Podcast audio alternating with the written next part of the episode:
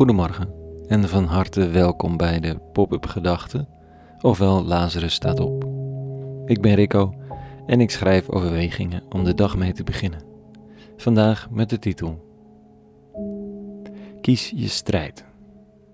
Pop-up Gedachten dinsdag 28 september 2021. Choose your battles zeggen ze dan. Kies waar je het gevecht voor wilt voeren en waarvoor vooral niet. Er is zoveel om je druk over te maken, om over in verzet te komen. Kies welke het wordt. Het is een variant van niet op alle slakken zout leggen, maar dan iets proactiever. Het is de uitdaging om te weten welke strijd de jouwe is en welke niet. Zeker in een tijd waarin zoveel vanzelfsprekendheden wegvallen en we niet automatisch meer onderdeel zijn van een groep of een beweging. We onszelf in bubbels begeven, maar er ook altijd kritisch op zijn. Je kunt niet alles waar je kritisch op bent aangaan. Ik moet eraan denken vanwege de lezing van vanochtend, waarin de rabbi, die toch in elk verhaal wel een statement maakt, een interventie pleegt of iets wijs te zeggen heeft, hier doet hij niets. Het is bijna grappig hoe leeg het verhaal is. Dit staat er. Toen de dagen van zijn verheffing hun vervulling tegemoet gingen, aanvaarde Jezus vastberaden de reis naar Jeruzalem en zond boden voor zich uit. Deze kwamen op hun tocht in een Samaritaans dorp om er zijn verblijf voor te bereiden. Maar de Samaritanen ontvingen hem niet, omdat Jeruzalem het doel van zijn reis was. Een oude weten. Toen de leerlingen Jacobus en Johannes dit gewaar werden, vroegen ze: Heer, wilt u dat wij vuur van de hemel afroepen om hen te verdelgen? Maar hij keerde zich om en wees hen op strenge toon terecht. Daarop vertrokken zij naar een ander dorp. Het begint wat onheilspellend met de dagen van verheffing. Met de kennis van de kruisiging in het achterhoofd weten we ongeveer wat dat moet betekenen. En dan is hij onderweg niet welkom. Jacobus en Johannes, enigszins heethoofdig, lijkt het een goed idee om hier een statement te maken.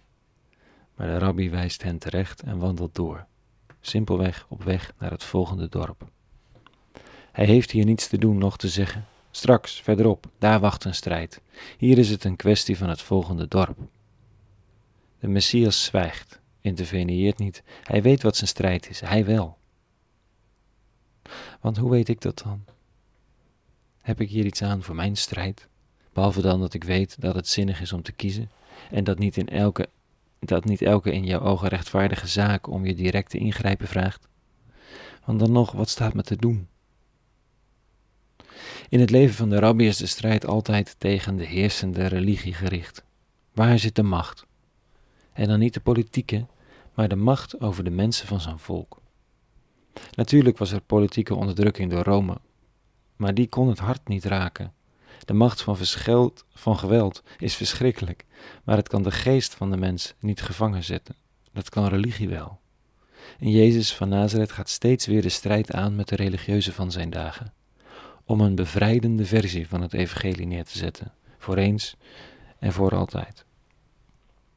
Hij laat daarbij de politieke strijd links liggen. Hij zwijgt tegenover Pilatus, die is slechts een middel. En de volken rondom, Traditioneel is er enigszins een vijandige relatie en nog steeds vandaag de dag is het een kruidvat van tegenstellingen. Jezus van Nazareth laat de kansen liggen. Hier, hier zit niet zijn werk. Alle kansen grijpen is doodvermoeiend. De man van Nazareth weet waar zijn roeping ligt en wat hem te doen staat. Het heeft alles te maken met de hele wereld en redding, maar dat betekent niet de interactie aangaan met de hele wereld, maar met dat wat de ziel bedreigt. En dat zijn in zijn dagen de mensen die menen te weten wie er binnen zijn en buiten staan. Die zich daarover het oordeel hebben aangemeten in benauwende termen. En Jezus keert precies dat binnenste buiten. Wat is mijn strijd?